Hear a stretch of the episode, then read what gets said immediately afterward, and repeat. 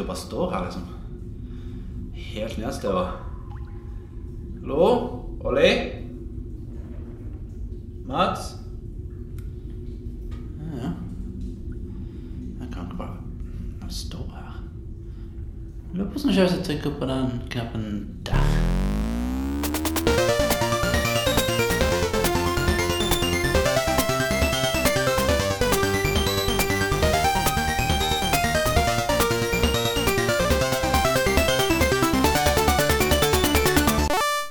Velkommen tilbake til Mellomspill.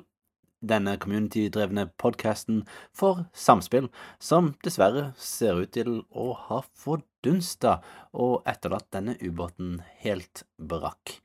Men vi mister ikke motet av det. Vi har en community-podkast som vi prøver å holde ved like, og med min side så har jeg fått med meg Pia Veprikose. Hei, det er, det er meg.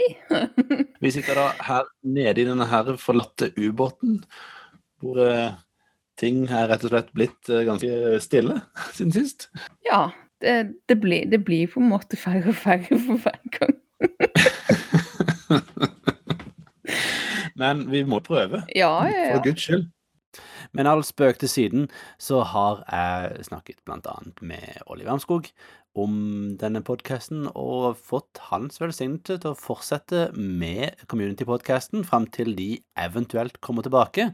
Og som dere hørte i begynnelsen av episoden, så bruker jeg også temaet som Håvard Gressum Antonsen sjøl har laget, eh, da i Andreas Koksbert sin versjon. Fordi vi lever jo alle i et lite håp om at samspill på et eller annet tidspunkt skal komme tilbake, og innen da så har jeg lyst til å holde vårt fine community sammen, og jeg har lyst til å kjøre denne podkasten litt mer regelmessig, kanskje en gang i måneden, kanskje to ganger i måneden, og prøve å få timerne så vi får med noen av de andre eh, mellomspillerne, og ikke minst mange av dere andre som fortsatt er i Samspill sitt community. Fem da så har vi med det, Pia. Ja, sørlendingene. Men nå som vi er bare oss to, så tenkte jeg vi kan liksom ta oss og ja, gå litt inn i hva vi har gjort i det siste. Så la oss gå videre til den vanlige seksjonen hvor vi snakker om hva vi har spilt i det siste.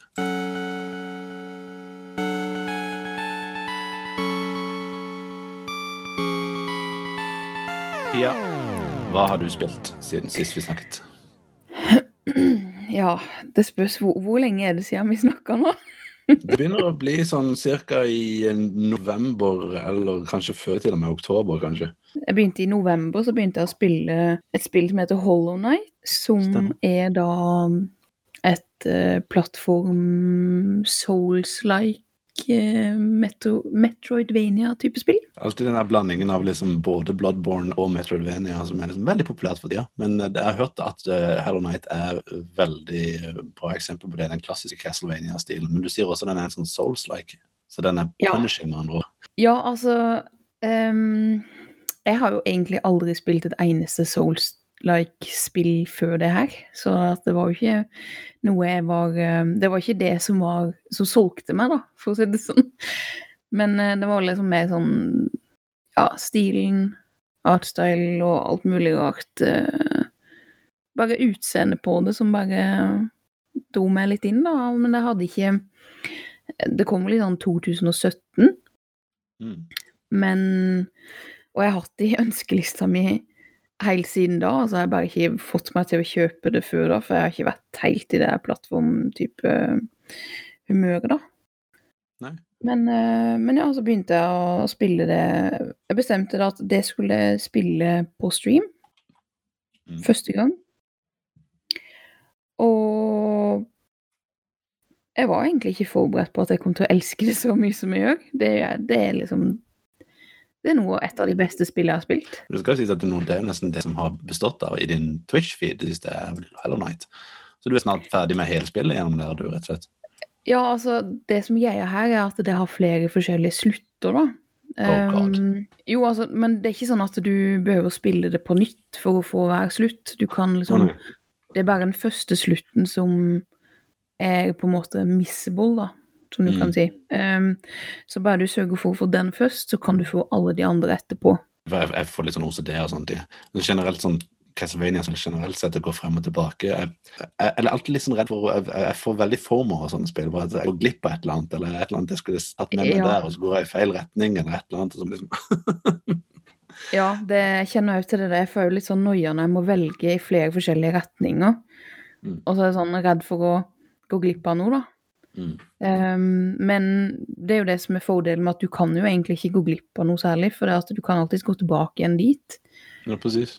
Men det er jo litt sånn kjedelig når du har gått liksom helt på andre sida av kartet, så må du liksom tilbake igjen. Jeg vet, er, er, det, er det fast travel i det spillet? Ja. Ja, det er en portaler der, liksom. Sånn. Ja, det, her i Hollow Night så er det noe som kalles for uh, Det er liksom et spill med insekter, da. Mm. Uh, under bakken. Og fast travelen her er noe som kalles for stag station. Det er liksom en sånn stag beetle som du kan ri på, som rir gjennom sånne tunneler. Ja, for det, jeg, vet rett og slett ikke noen ting om historien, men Hallow Night, Hallow som i un, undergrunnen, er det rett og slett vi er Nei, det, det er på- Hollow Night, altså som Ja, sorry. Ja. Ok. Men er sånn, hvis du kan recappe historien uten spoiler nå Uff, det, det er vanskelig, for det, det her er skikkelig mye law, for det På søndag nå så hadde jeg en stream med to andre som har blitt kjent gjennom ved å spille Hollow Night, da. Andre streamere.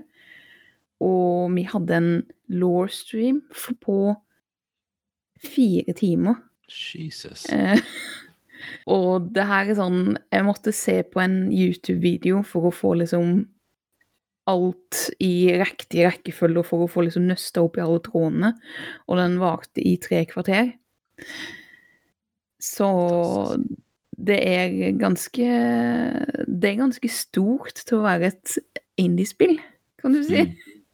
Det er noe veldig deilig med sånne spill hvor du bare liksom Du spiller det, og så blir du, liksom- du blir så investert i det at du rett og slett driver research etterpå for å finne ut av hva som skjer. Ja, det, det må, man må nesten det. For det, at det er liksom Du får litt informasjon her, litt informasjon der.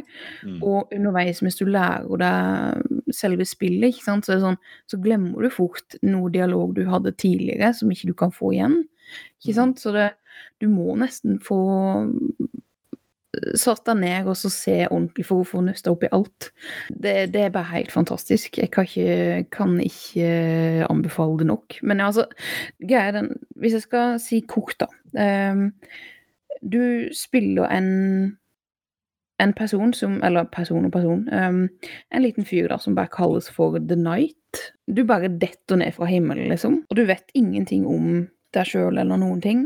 Og så kommer du til en liten by hvor, hvor det er ganske tomt, og de, det er en, en elderbug, som han heter, som, bor, som er liksom på toppen av byen der, som forteller om at alle har reist ned til Hallownest. Det er liksom en sånn svær øh, verden under bakken. Og det er liksom bare at det er, det, det er så lite man egentlig kan forklare uten å spoile noe. Så jeg kan egentlig ikke si to særlig mer, men du går selvfølgelig ned dit ikke sant, og utforsker. Og så lærer du mer og mer om deg sjøl og verden. Jeg, jeg merker at det må være vanskelig også, også fortelle historien og spoile noe, for dette, jeg har hørt om Hallow Night veldig lenge, men jeg har aldri egentlig forstått hva det egentlig handler om. Det, men jeg kan, jeg kan liksom ikke si så mye mer. Men det, det er at historien den er veldig omfattende. Greia den at jeg har spilt nå sånn at jeg har fått den siste slutten. Men så er det allikevel pga. en DLC at de har, de har kommet med flere DLC-er, da. Og så er det en som heter God Home, som da du kan få en slutt til ved å gjøre den. Og det har ikke jeg gjort ennå, da. Det er på en måte en slags um, et eget stort rom hvor du da kan gjøre noe som kalles for, for pantheons. Som da vil si Altså det er pantheon 1, 2, 3, 4 og 5. Og hver av de er da som en slags uh, arena hvor du da skal slåss mot så og så mange bosser. Altså hvis du dør på én boss, må du begynne helt på nytt. Så det er ganske, ganske vanskelig akkurat på Der den kom uh, Soulsborne-stilen, ja. Skjønner. Ja, nei, altså det, det er jo hele spillet òg med at eh, du, du samler på souls. Mm. Um, og hvis du dør, så må du liksom gå og plukke det opp igjen, da. Så det er bokstavelig talt et soul-spill. Ja, faktisk. ja, ja, skjønner. Men det høres jo ut som det er i hvert fall engasjerende nok med tanke på at liksom, siden ikke du kan fortelle om historien uten, uten å spoile noe, sånne ting, så må det jo være en veldig bra historie. Og det fascinerer meg hvis det er en interessant historietelling. Ja, det, det er veldig, veldig omfattende og veldig mye verdensbygging der. Og, og eh, mest sannsynligvis seinere i år så kommer det en oppfølger òg, som heter Hollow Night Silk Song. Eh, Det skulle egentlig være en DLC, men så ble det så stort at det, det ble større enn Hollow Night òg, så de bare bestemte seg for at nei, vi lager bare et nytt, et nytt spill. Det var egentlig akkurat det samme styret med Zelda også, var det ikke? Jo, det var akkurat det de gjorde med Breath of the Wild òg. De skal jo lage en toer der òg, så. Ja. Men ja, eh, Silk Song, da, som det, det handler da om Du kan på en måte si at det er to hovedpersoner i Hollow Night. Mm. Eh, og det er The Night, som du, er, du spiller som, og så er det ei som heter Hornet. Eh, og det er hun, eh, hun du spiller som i Silk Song, da. Så du spiller som en annen, en annen karakter, da. Men uh, ja, jeg gleder meg skikkelig til det. Vet du noe om lanseringsdatoen på den, eller? Nei, um, det var snakk om at det skulle være um, fall, Jeg tror kanskje det var rundt første halvår uh, en gang. Men så er jo de her devsa de er jo fra Australia, så jeg tror det at det har vært litt uh, Ja. Litt sur i planene der pga. alt som foregår der nå, da. De har hatt litt, litt eh, mye å holde på med skogen som brenner rundt seg, skjønner du? Ja, Nei. så jeg tror kanskje det at det har blitt utsatt litt eh, på grunn av det. Da. Så nå står det på, på Steam så står det bare eh, 'to be announced'. Så, Ja, så ja, det, det er egentlig ikke så veldig mye mer jeg kan si. Det er det du har spilt siden sist? Ja, jeg har faktisk spilt uh, Breath of the Wild òg, da. En del. Ja. Tilbake igjen til den, liksom? Hadde du ikke spilt det før? Eh, nei, jeg fikk det i bursdagsgave i fjor, for jeg fikk ikke, jeg fikk eh, ikke Switch før i februar i fjor. Ah, Så ja, faktisk så drøyde jeg det skikkelig lenge med å spille det, for jeg håpet jeg kunne få skaffa meg capture card. Um, Så jeg kunne streame det første gangen, men så, var, så jeg, utsatte det skikkelig lenge. mm.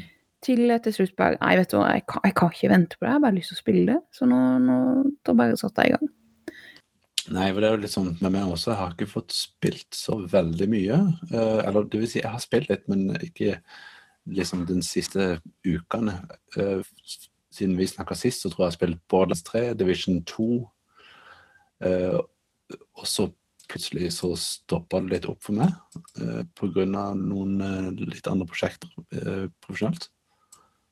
Og, men til jul så fikk jeg eh, tak i en Eller fikk tak i, jeg fikk gave. En Oculus Quest, Oh, som er rett og slett en trådløs VR-enhet. Uh, og den ønsker jeg meg rett og slett fordi eh, jeg har fått eh, støtte til å lage et VR-prosjekt. Så det, er det er spennende. Uh, så er det, er det hemmelig, eller? Nei, det er ikke hemmelig. Det er faktisk veldig offentlig akkurat nå. For nå har det kommet på nettet til Viken eh, at vi har fått støtte.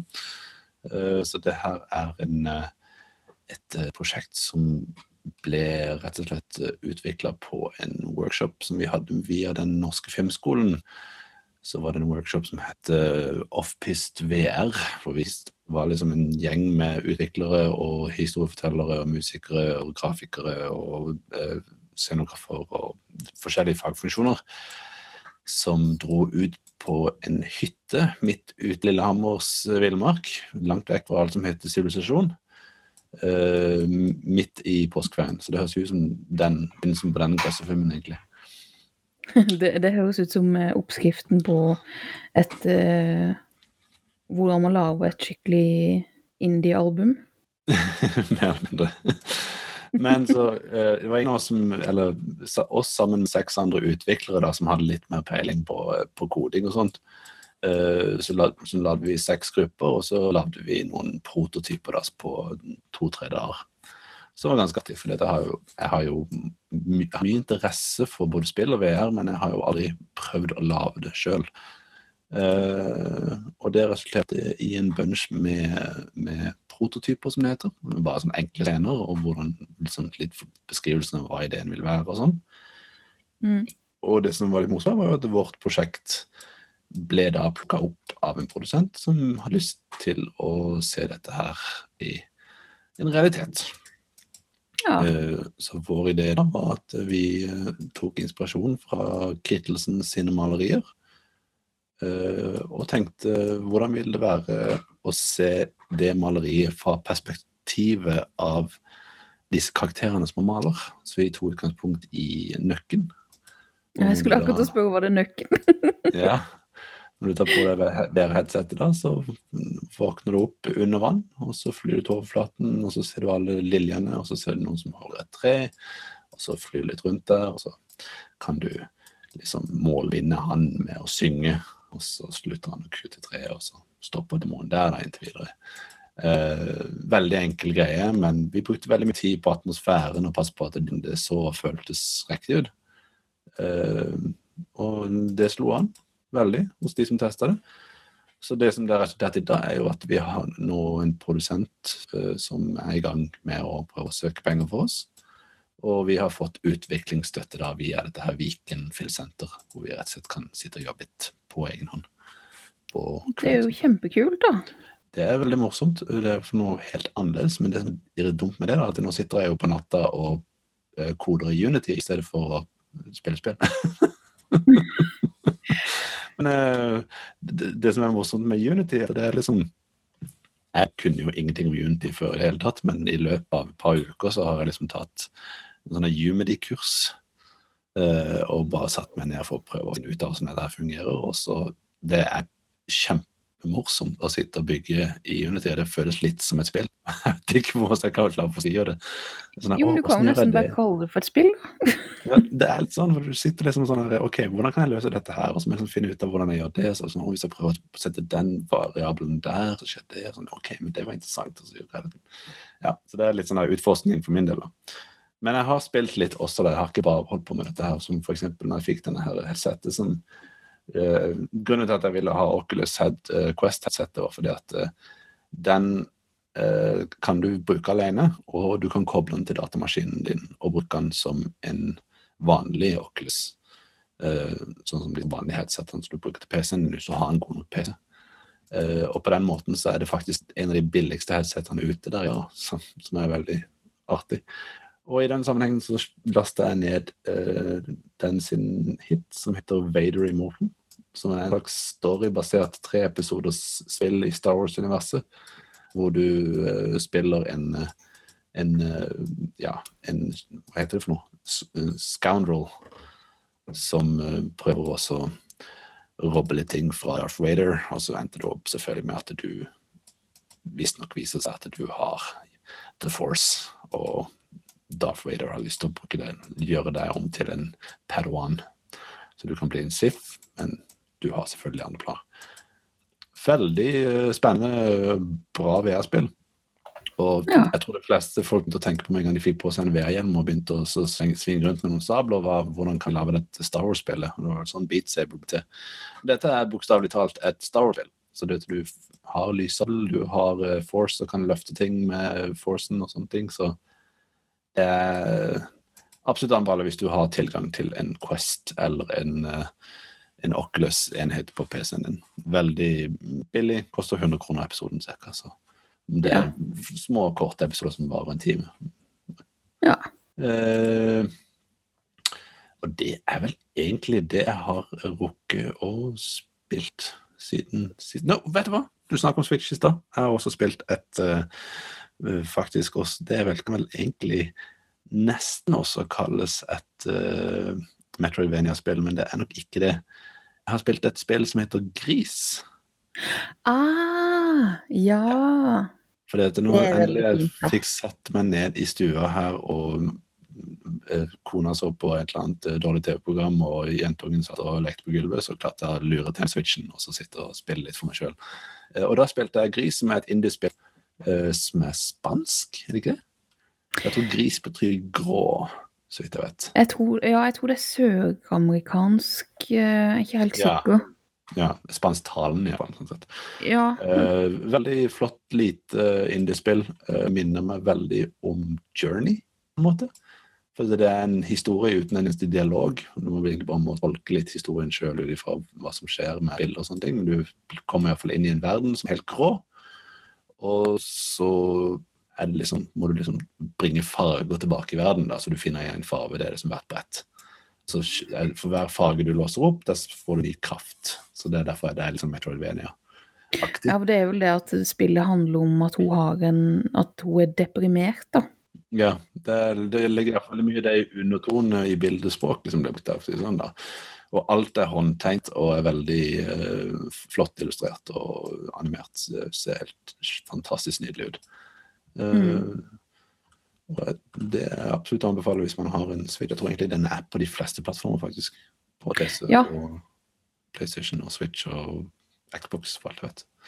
Uh, Jeg husker jeg kjøpte det på PC med en gang det kom, for at det er, jeg er så veldig opptatt av sånn uh, Hvis det er litt sånn spesielt visuelt sett og sånn, da, så bare Ja. det, det må jeg ha. Mm. Nei, det var, det var kjempefint. Også, det, det var også veldig morsomt når vi holdt på med dette her VR-prosjektet, for det var det første en av disse her filmregissørene som var på min gruppe, eh, sa det sånne ting. Vi hadde lagd demoen og sånne ting, så at hun ville prøve også å gjøre spillet eh, mindre eh, Hva var det hun kalte det for? Mindre spillestetikk. Men Da måtte jeg bare arrestere og si hva, hva mente du med det, egentlig? Vet du hva spillestetikk er for noe? Men nei, det var ikke noe sånt. Så måtte jeg liksom vise henne Journey og Gris og alle disse her, og åpne en helt ny verden for henne. Liksom at spillestetikk er et ganske bredt uh, tema. Det er det, ja. eh, plastikkgrafikk eller sånne ting, eller 90-tallsgrafikk, det kan vi godt være enige om. Det skal det ikke være. Men eh, det finnes ganske mye man kan gjøre i spillene når det gjelder det visuelle. Og det ser vi på sånn spill som Gris og Journey og ja, alt fra liksom det fotorealistiske til det som er litt mer eh, stilistiske, sånn som Hevermatt og alle de andre.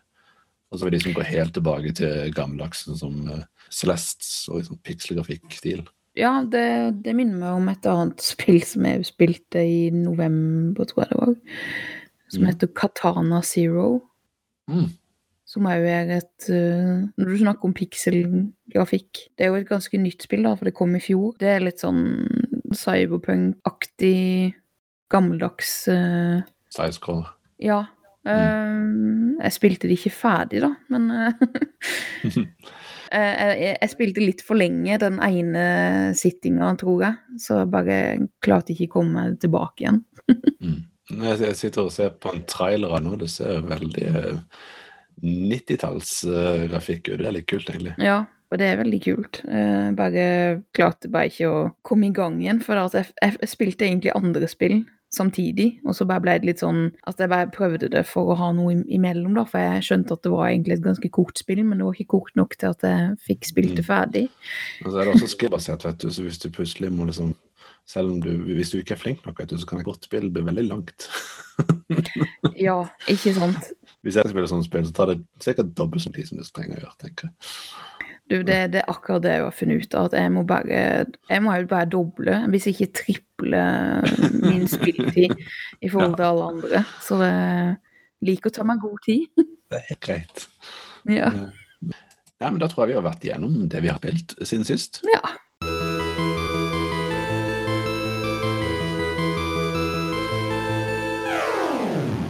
Ok, jeg hadde lyst til å lage en ny seksjon som vi bare kaller for din spillhistorie. Uh, og nå vet ikke jeg hvor lenge det varer med tanke på hvor mange som er med i den podcasten her, men jeg tenkte i hvert fall, nå er det jo bare du som er her nå, så da blir du førstemann ut. Hvor jeg egentlig lurer litt på, hva var det første spillet du spilte, og hvorfor er du interessert i spill?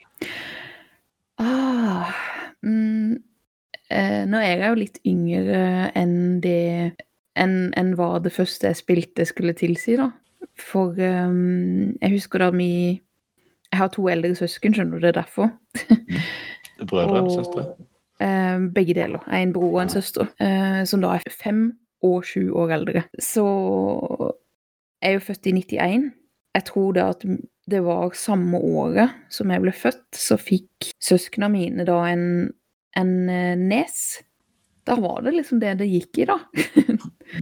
Da var det tid- tidlig adopter, for jeg tror kanskje den kom til Norge i 91, så da var helt, da var den helt fersk da.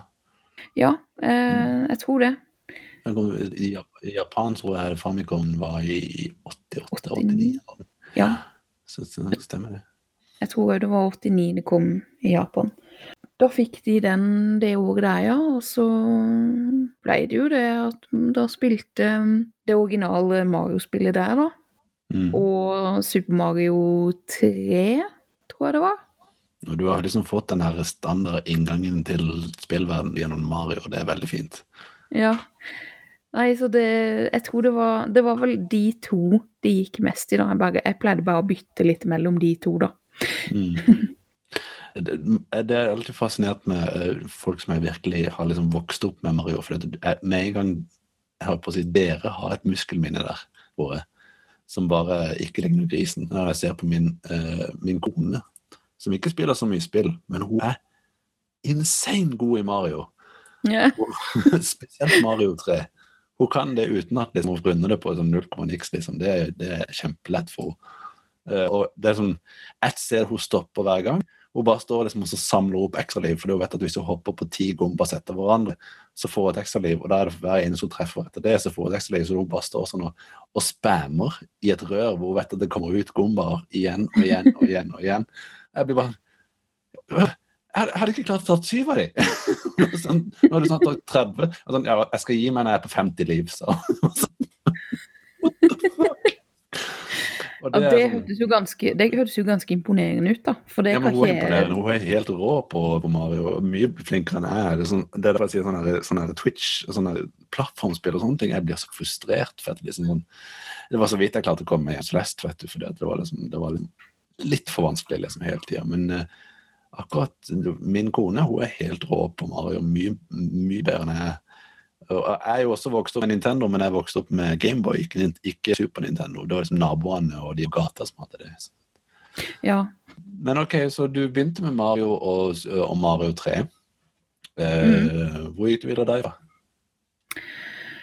Åh um, Jeg har hatt uh, Altså, den neste konsollen vi da fikk, var PlayStation 1. Altså den første PlayStation, mener jeg. Oh, der, var det, der var det mange bra titler, altså. Ja, det var det. Um, de jeg husker best, var jo egentlig de vi bare hadde demoene på, da. Vi fulgte, fulgte jo alltid med en demo. Eh, Alle hadde den der demodisken med de der ti spillene, så var den ene demoen du spilte det første borte sånn 100 ganger. For det var det Ja. På den tida der så kosta jo spillene nesten 600 kroner stykket da òg. Og nå er det liksom 30 år senere og koster det fortsatt 600 kroner stykket. Så det var jo dødsdyrt i den tida å kjøpe spill. Så du hadde jo ikke Ja. så mange. nei, det var, det var Det var sånn man bare fikk enten til jul eller til bursdagen eller noe sånt. Ja, Maks kanskje to, to spill i året, liksom. Var det en av de demoene du husker spesielt godt? Uh, ja, jeg husker veldig godt Spyro. Oh, ja. Og det her som kom nå i oktober, så sånn uh, remaster eller noe sånt og noe, er eh, det her med Medieval. Medieval, ja. Mm. Ja. Det, jeg husker jeg spilte de to veldig mye. Og det var bare demoene. Ja, ja, ja. Fantastisk. For det, um, vi hadde en del sånn bilspill og sånn, og det syns Mm. ikke jeg var så veldig gøy, da. Og så hadde vi vel Åh, nei eh, Jeg har egentlig glemt det litt, hvilke spill vi hadde. For at vi, det var vi hadde et par naboer òg. Mm. Som eh, hadde, hadde PlayStation, da, og som vi da lånte. Så jeg lånte jo da eh, det her Raymond-spillet. Mm. Og det var da barndomsvenninna mi, da. Hun hadde det, og så hadde tante og onkelen hennes, som var naboene der igjen, de hadde det, de òg. Og hun, de, hadde, de hadde en hel sånn liten bok med alle de her cheat codesa, Å, fantastisk. som vi da fikk låne. Og da Ja, da både til Rayman og Spyro, da. Så fikk låne fullversjonen av Spyro òg. Men Rayman og Spyro er jo klassiske plattformspill på PlayStation. Det du ikke spilte, da var kanskje Crash Bandicoot. Jo, jo, det spilte jeg faktisk òg, men det var eh, ikke hjemme, da. For det, det var vel med det at jeg hadde venner eller noe som, som hadde det, da. Men du, du har liksom alltid vært glad i å spille spill, egentlig siden du var bitte liten, med andre. Ja, det absolutt. Det er noe som har liksom blitt eh, litt påsmurt der av dine søsken, liksom. De, likte jo å spille, eller følte du at du tok over på et eller annet tidspunkt? Eh, Det var vel mest Altså, vi var jo glad i å spille alle tre, men det var vel mest meg og broren min. Mm. Um, ja, for vi hadde jo Vi hadde jo en PC, da. Men det var ikke så veldig mye som jeg fikk spilt der. Det var mest sånn point and click-spill som man kjøpte på bensinstasjonen og sånn. Ja, Jeg vet ikke om du husker det, da de solgte sånne bokser med sånn billige point and click-type spill og sånn. Beyond the Steel Sky og disse Ja. der husker jeg veldig godt. Jeg var veldig glad i de spillene der. Jeg synes jo de der gamle, gamle click, up, eh, click, click and play-spillene til å si point and click. uh, nei, vi kalte det for pick-up-spill, for det var alltid en knapp som heter pick-up, og så måtte du trykke på en eller du skulle plukke opp. Det var oh, ja. eh, de begynte jo egentlig helt tilbake til Zack McQuacken og sånne ting, som er egentlig en en ti som er liksom tidlig, tidlig, tidlig eh, PC-spill. Mm. Uh, så de ble veldig suksessfulle av disse her uh, Lucas Art-spillene, og det var alle prøvde å kopiere de etter hvert. Eh, men denne adventure game-tida, den er liksom Den kom og gikk litt grann helt til Telltales begynte med sine serier, egentlig. Men eh, Ja. ja, jeg, hus jeg husker godt de, eh, jeg husker godt de klikk og pek-spillerne på, på bensinstasjonen, ja. Det var ikke om, om Minesweeper og, og Solitaire og sånne ting, det var det man hadde på PC. Men da hadde jo Nintendo, så du hadde ikke noe å klage på, for å si det sånn. Nei, nei, nei. Altså, problemet var det at vi hadde eh, Faren min og han og et par kompisene, de hadde et lago Mm. som de drev og Med garasje og sånt, og noe som de drev og bygga fiksa på bil og bygga båt og alt mulig rart. Mm. Og der hadde de òg et sånn eh, rom med sofa og TV og sånn, så da etter hvert som vi da fikk den PlayStation og sånn, så flytta de da den gamle Nintendoen opp der. Det ble sånn spillbule. Sånn skikkelig gutt, gutte... Jo, jo, men det var mest oss ungene som spilte da, når, de liksom, når vi måtte være med eller et eller annet sånt. ja, ikke sant? De mekka på biler, og så fikk dere til å sitte og spille spill. Det er jo Ja. helt genialt. Ja. Nei, men altså Men vet du hva, det, det jeg egentlig husker å ha best minne av, av konsoller Mm. i barndommen, må egentlig ha vært eh, PlayStation 2 Mm. og Nintendo 64, da. Ja, for det var det neste. Og de var jo Ja. si nesten samme generasjon, holdt jeg på å si. Ja, eh, for det, vi fikk jo da PlayStation 2 etter hvert òg. Det var da vi begynte liksom å, å velge egne spill, da. At jeg, jeg valgte et spill Vi fikk gavekort til jul, da. Så vi da kunne velge et spill hver. Og så var det ett gavekort vi da fikk som vi da kunne velge et spill på deling, Ah, alle tre. Så da ble det til at um, broren min, han diskusjoner om hva de skulle velge, eller? Vet du hva, egentlig ikke. Eh, Det, det gikk egentlig ganske greit. for Søstera mi jeg tror ikke hun var så veldig opptatt av, av det. Men det spill, spillet vi valgte da sammen, da, var- det var um, Tony Hawk Pro Skate og Var det to? Ja, godt valg. Jeg tror det var to. Da var jo der fortsatt Tony Hawk han faktisk var ganske bra. Ja, det, det kjøpte vi da sammen. Mm. Og så tror jeg broren min han kjøpte vel et uh, GTA-spill, tror jeg. Mm. Eh, Jeg husker ikke helt generasjonen på de her eh, GTA-spillene. Jeg tipper det var San Andreas. Ja, det kan nok hende. Mm. Og jeg kjøpte et spill som jeg aldri har hørt om verken før eller etter, etter det her, som heter um, Klonoa 2. Klonoa What? Aldri. Ja. Eh, Det var tydeligvis en oppfølger, da, eh, siden det var to. Men- de bare på over en. Eneren ble så dårlig, så vi bare slapp toeren i stedet. Nei, det, var, det var et før det òg, men det, var, det var ikke noe spill jeg hadde kjennskap til da, før jeg så det. Men det bare det bare, ta, eh, det bare snakka til meg liksom med en gang jeg så det i hylla. Ja, jeg fant Klonoa 1 til PlayStation her. Ja. Men det, det var det første spillet jeg runda. Jeg likte det så godt. Det var, det var sånn typisk japansk eh, plattform eh, Eller 3D-plattformspill, blir det vel egentlig.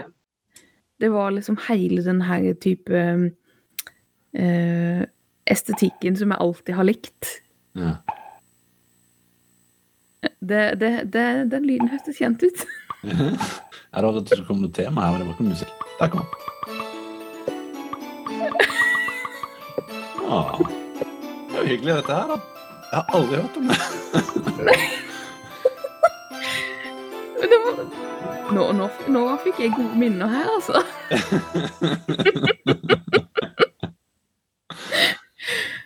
Åh.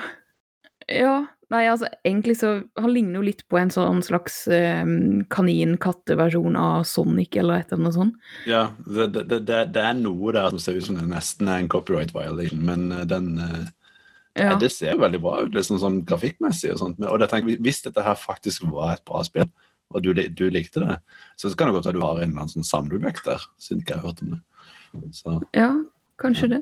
Nei, men det, det var Jeg likte det veldig godt. Eh, og jeg har alltid vært veldig dårlig til å fullføre ting, mm. spesielt spill. Eh, så da jeg var kjempestolt av meg sjøl at jeg faktisk holdt ut med et spill så lenge at jeg runda det. Følelse bare liksom prøve at du, at du faktisk kom fra A til B, endelig, liksom. Ja. Jeg husker bare første gang jeg så rulleteksten på et spill. Sånn, det er en rulletekst! Ikke sant? For det, det, jeg tror det er jo fordi at vi vokste opp med såpass vanskelige spill, da. Nei, det var jo ikke vanlig at du fullførte spillene. Du kom kanskje til level 3, og så begynte du på nytt igjen. Det var ikke noen sånn, Ja. sånn continue-effekten eller save games. Det kom liksom ikke før PlayStation 2-tida cirka. PlayStation 1.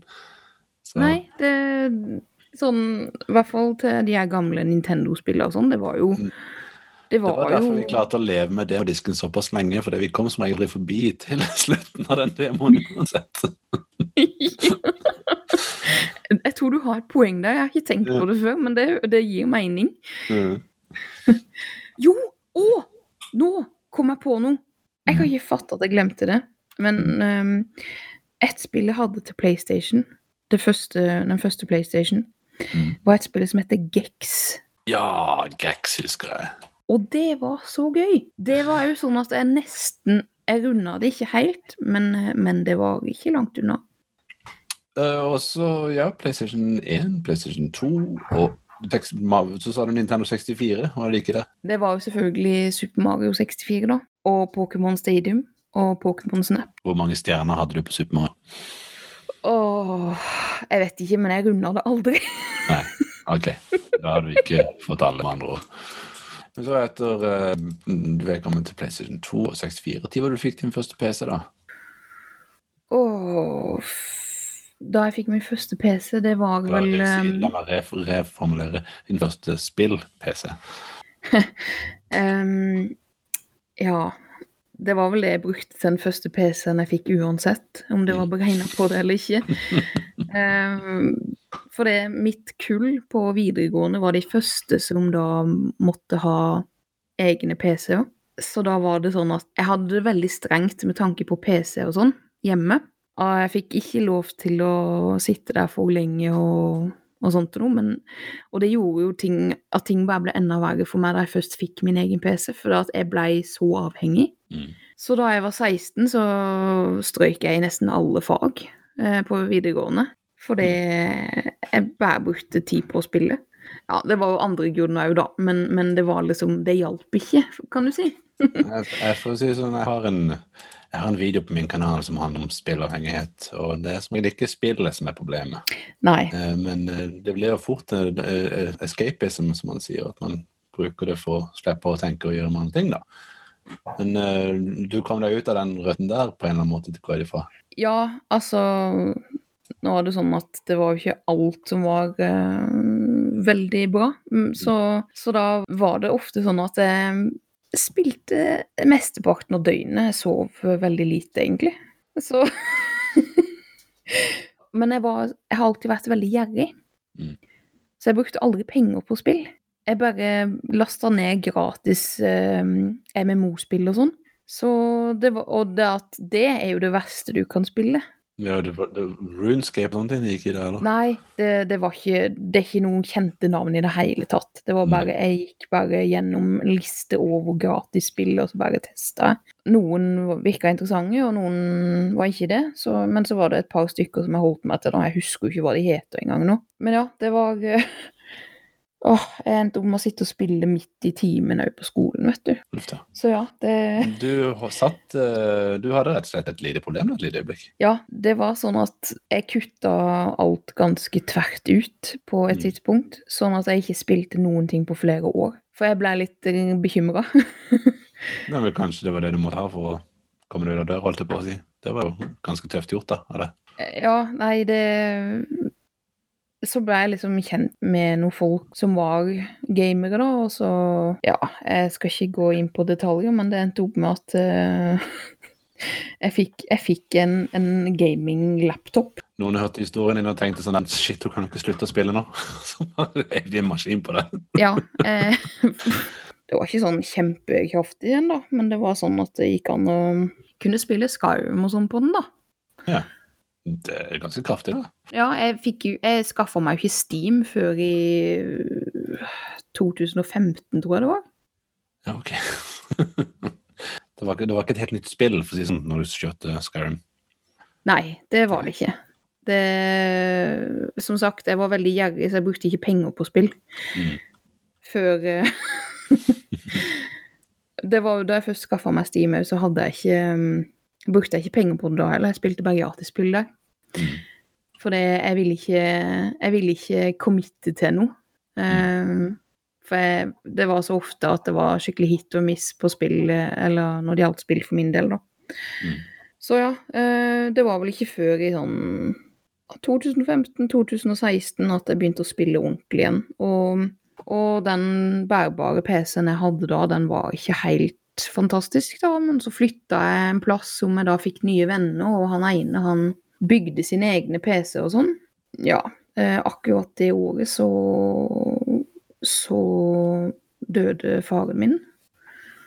Så da fikk jeg Ja, vi fikk litt grann eh, penger. Mm. Men Litt sånn ja, så, kjip plaster på såret, men ja. ja. Nei, jeg bare tenkte at jeg skal ikke gå inn på detaljer, men det var liksom Ja, da fikk, fikk vi da litt penger, og da bestemte jeg for at da skulle jeg spare mesteparten, men jeg skulle ha meg en ordentlig gaming-PC, rett og slett. Og da kjøpte jeg av han som bygde sine egne PC-er, da, som var kompisen min. Så, og det er den jeg bruker nå.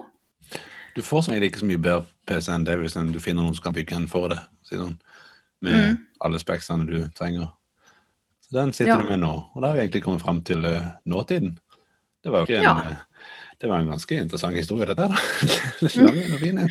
Det, det var lang, ja. Jeg tenkte sånn Å, herlig, hvor, hvor skal jeg stoppe henne? For jeg vet Nei, ikke syns hvor jeg dette er kjempefint. Jeg er litt interessert i å lytte på liksom hvor, hvor, eh, hvor kommer liksom utfordringene fra. Eller, altså, når begynte man å spille? Men, men hvordan føler du det går nå med spilling? sånne ting? Føler du at du klarer å regulere det nå, eller er det sånn at du merker at det begynner å bli et problem igjen? Nei, det er absolutt ikke noe problem. Det er mer det at uh, At uh, jeg føler da at jeg er flinkere til å holde meg unna enn jeg kanskje burde være av og til.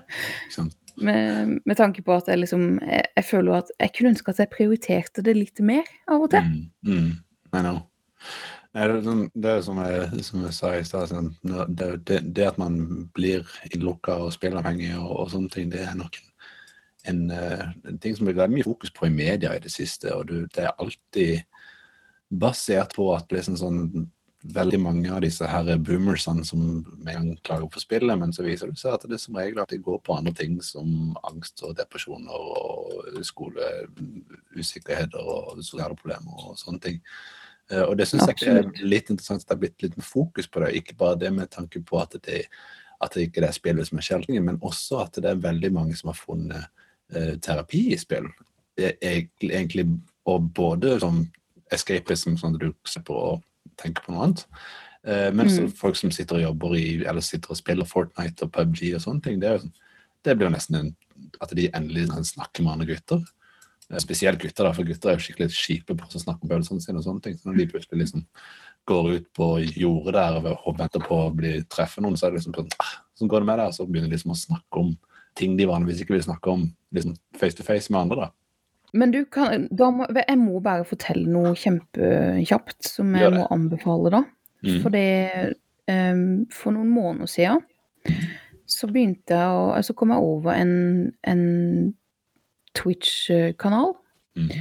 som het, heter Healthy Gamer uh, understrek eh, GG. Mm. Han er da en psykiater som spesialiserer seg på eh, gamingavhengighet. Mm. Og um, fordi han var det sjøl. Mm. Og han, han var sånn skikkelig ræva på skolen og feila alt. Og, og så har han bestemt seg for å reise, for han er, han er indisk. Mm. Amerikansk og indisk. yeah. Og, så, så han reiste da til um, Han reiste da til India for å bli uh, munk. ja. Sånn. Men så bare plutselig, så Mens han da skulle bli munk, da, så, så traff han kona si. Altså som er, hun som er kona nå, og da kunne han ikke bli det lenger. Så han bestemte seg for at han skulle Så han begynte på Harvard og ble psykiater. Ja. Og han feila skolen da fordi at han var uh, avhengig av spill. Mm. Og det, da spesialiserte han seg i det, og han har starta en egen Twitch-kanal hvor han da Altså, det er jo imot regelen å gi medisinske råd og sånn, men han gjør det på en måte så han liksom kommer seg rundt lovverket, da. For det som var så spesielt, var det at han hadde i snitt hver gang så var det sånn litt under 100 folk som så hver gang. Mm. Men så begynte han å få inn um, litt sånn populære streamere, da. Mm. Eh, Sånn som for eksempel en, Det var en som heter Jeg vet ikke om du har hørt om han, men det er en som heter Wreckful. Mm. Som eh, drev og streama World of Warcraft og sånn. Mm. Um, og han var gjest en gang, og plutselig bare ble den, den her Twitch-kanalen superpopulær. Mm. Så nå er det sånn 7000-8000 som ser på hver gang. Det, Og det er ganske mye. det skjer plutselig, det der, hvis det blir raid, vet du, så Ja. Jo, men det, det bare skjedde helt uh, ut av det blå. Han har ikke hatt den her uh, Jeg tror ikke han har hatt den her eh, Twitch-kontoen i et halvt år engang. Og det, men men det, det er veldig interessant, for det er ingen andre, andre typer mm, streamere av den, av det slaget nå, på Twitch. Husker du hva han heter? Han er Ja, eh, det er He- Healthy Gamer uh, understrek GG. Da skal vi ta så legge det i kommentarfeltet på podkasten, så de kan eller, sjekke den ut hvis de vil det. Du, takk for en vanvittig bra og eh, detaljert og fin historie. Jeg kunne egentlig godt tenke meg å gjøre det med flere. egentlig bare for liksom, Det er en fin måte å bli kjent med det på, i kunst. Ja. Skal du, skal du fortelle din historie òg nå, eller? I, i, kanskje en annen episode. Ja. Det blir en veldig lang episode hvis vi skal ta begge to samtidig. så Derfor sier vi tar, vi tar en av gangen, siden du var fikk du først. Yes! ja. Det siste som jeg egentlig bare tenkte meg nå, var bare å gå raskt gjennom eh, nyhetene som har vært i det siste, og så eh, skal vi ha en liten avslutning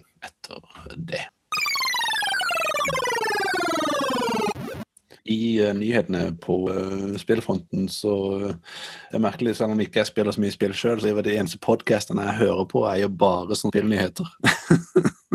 Ja. Jeg har en, jeg har en times commute frem og tilbake til uh, jobben min, selv om jeg bor på Lambertseter. Det er liksom sånn bare T-banekjøring til NRK tar fort en time. Eh, Ja. Så derfor jeg liksom får med meg en del nyheter som noen som er ganske interessante. Eh, som eksempel at eh, Half-Life, nyeste episode av Half-Life, ble jo annonsert for et par måneder siden. Som, eh, altså ikke Half-Life 3, som vi venter på, men Half-Life Alex, som da er en VR-spill, ble annonsert. Oh. Og det er da Steam, disse som ligger bak denne her Viven, som er liksom her high-end PC-headsetet. Og etter at de annonserte den, så annonserte de i går at etter jul så var hele lageret de sitt utholdt av uh, Index, de nyeste headsetene sine. Så de uh, scrambla for å prøve å produsere flere.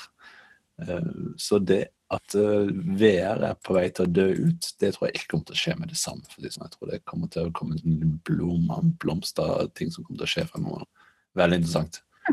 Vi går videre derfor, da, så er det bare også det neste er at PlayStation igjen har annonsert offentlig at de ikke er med på ET. I år heller.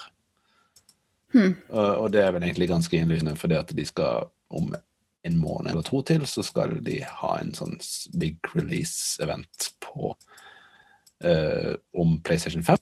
De har ikke annonsert offentlig enda hvor eller når det blir, men eh, det er det folk går ut ifra, iallfall. Eh, men du er fortsatt PC-gamer, så du går ikke og venter på den nødvendigvis. Nei, eh, jeg har det jo greit med, med PC, Mm. så det Jeg har det jo egentlig også ganske greit med PC nå som jeg har fått med Simen sin PC. Ja. Og den funker med VR òg, Simen. Se. Den lager vel nå. Eh, Men jo, det er en nyhet til Mm. som mm. du sikkert har fått med deg. Men eh, ja eh, At Cyberpunk ble jo pusha tilbake. Yes. Ikke bare Cyberpunk. Det har kommet en bølge den siste uka her med uh, delays, uh, ikke minst uh, Cyberpunk eh, 77, Marvels Avengers, Dying Light 2, eh, Final Fantasy 7 Remake. Og før jul også så var jo allerede Animal Crossing, Skull and Bones, Doom Eternal og Last of Us Part 2 utsatt. Så det, det er blitt en sånn skikkelig bølge med spill som skulle ha kommet i løpet av de neste månedene, som er liksom bare dytt bakover. Så Det er litt rart. det er litt rart. og det er litt sånn der, Hva er det egentlig som skjer? Hvorfor hva, Er det noen som driver de og flytter seg fra et eller annet? Kommer det til å komme et eller annet som plutselig som de vet om, som ikke vi vet om? Eh, Det, det virker litt som det er litt mange spill som driver og blir utsatt. Men eh, Det er, litt, det er noe strategisk over det, tror jeg. ja, Cyberpunk 2, eh, 77 eh, gjør meg litt nervøs. For det her er jo Red Thread, de samme som lagde Ikke Red Thread, det er ikke det de heter. Red Red Pro- Nei, eh, Project Red? CD Projekt CD Red, Red. CD Project Red, uh, som har lagd The Witcher. Uh, og vi har jo alle kjempestore forventninger til at Cyberpunk skal ligge bra som The Witcher. Men uh, siste nyheten der var at den kreative regissøren, the creative director, han gikk. Og det lover ikke bra. Da er det, da er det noe der som ikke helt stemmer. mm. For han sa opp og gikk på dagen. Og nå cruncher de for å bli ferdig med Cyberpunk, og det off. Don't rush it, guys. Det kommer Nei, nei, men de, de sa jo at de allerede var ferdig, men at det bare var finpussing og sånt og noe, da.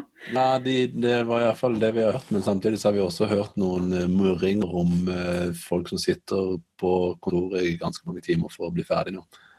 Eh, og det er jo typisk det som vi kaller for crunchen, da, som hele spillbransjen blir uh, kritisert for. At folk jobber jo insane timer uh, de siste uka.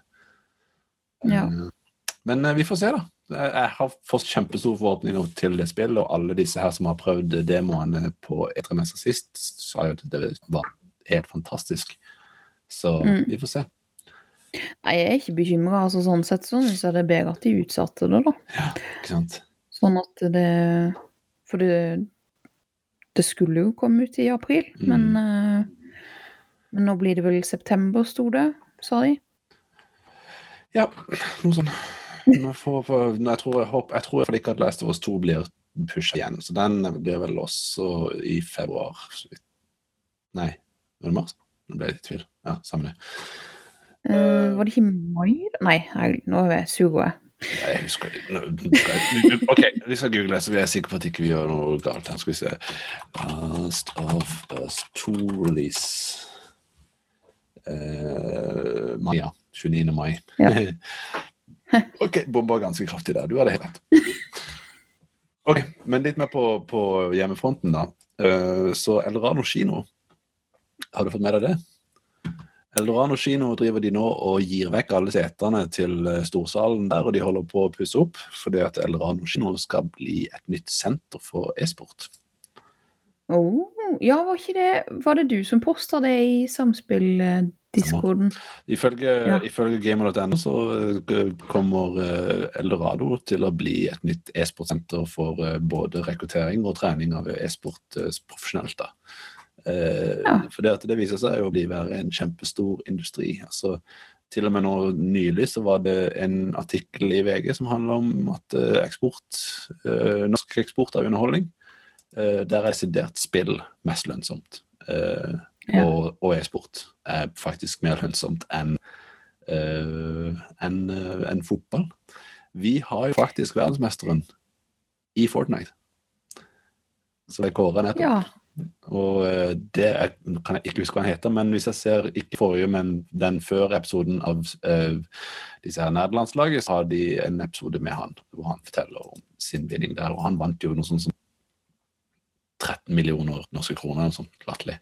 Å, herlig. Ja, I know. Åh, det, det Nei. Mm. Tror kanskje vi må eh, finpusse litt på gamingferdighetene våre. Precis. Der, derfor jeg holder meg til å lage sånne fine, rolige sånn VR-opplevelser i stedet for Men det betyr jo også at liksom, norsk spillindustri den begynner jo sakte, men sikkert å gro litt. Og det er litt artig, for det, alle våre brødre eh, i Skandinavia, altså i hvert fall Sverige, ligger jo langt foran oss når det gjelder eh, produksjon av spill. De har jo Dice Mm. og um, alle de her uh, Battlefront-spillerne og disse. Uh, men vi har en i Norge som er ganske stor, og det er Funcom. De har jo Ja. hatt denne her uh, Conan Exiles, selv om halvparten av Funcom er fortsatt i Canada. Eh, så har de hatt en ganske stor fortjeneste på akkurat spillet der. Jeg fikk ikke med meg at det var blitt så suksessfull. Men Tencent, det her selskapet i Kina som kjøper opp alt av det, det er liksom Kina sitt svar på Disney. Eh, Ja. de har uh, tilbudt Funcom 1,33 milliarder kroner for hele Funcom. Det er, helt, det er mye oh. penger, det. ja, hva, hva var svaret? Det vet vi ikke ennå, men jeg bare tenker sånn hvis Tencent kjøper opp Funcom, så er det jo en, det her burde jo bare staten hoppe inn og så si ikke selv, og så gi de masse skatteletter og sånn for at ikke de skal gjøre det. For det, det er jo det er jo en kjempeindustri for Norge, egentlig, hvis vi kunne ha en eksportvare via Funcom uh, og Ja. lagd spill. De holder jo på med en, en ny MMO og litt sånn forskjellig også. Så, uh, men det er veldig interessant at uh, denne her uh, Kina Evil Corporation Kina holder på å si, holder på og så kjøper de opp. Det er artig. Um, og det er Nei, jeg håper ikke de gjør det, altså. Nei, la oss håpe at de, eh, de holder igjen. Men det er jo veldig mye penger, da, så jeg skjønner det er veldig mye å si nei til. Uh, og det er vel det som jeg tror har eh, skjedd i nyhetene de siste ukene. Det skjer ganske mye faktisk i spillmarkedet, og det er interessant. Mm. Vi uh, må egentlig bare runde litt av, egentlig. Ok, For å finne en måte å avslutte disse her på, så er det liksom alltid litt sånn hyggelig å slutte av med en konkurranse av en eller annen type. Så uh, nå har vi jo bare én her av spillere, så det blir jo sånn vanskelig med bare én spiller, men vi kan bare teste dine ferdigheter, da. Uh, på en Oi da. eh, ny uh, lydquiz, hvor jeg da har valgt tre forskjellige temaer, hvor du rett og slett må finne ut av hvilke spill det er. Og denne gangen så har jeg vært litt snillere med det. Jeg har unngått alt som heter PlayStation, og bare tenkt hva som er på PC. Ja, for jeg var jo ikke så veldig flink sist. Ja, men eh, la, la oss se hvor fort du tar disse. Vi begynner med den første.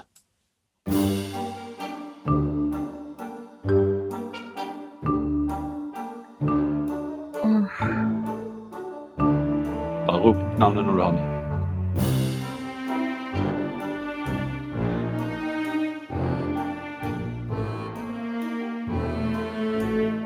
eh, Å, er det Don't Starve? Det er det!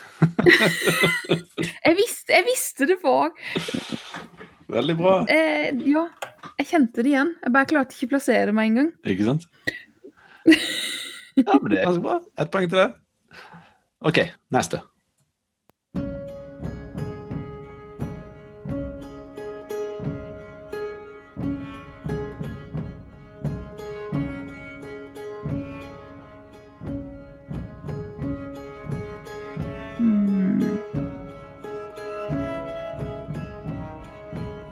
Holdt på å si det er ikke Hellblade, er det det?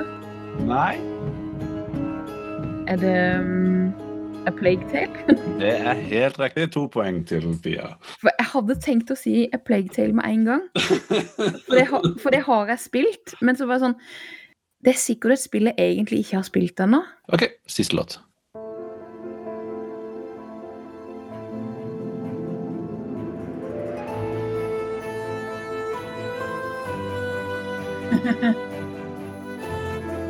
Det kjenner jeg i hvert fall igjen.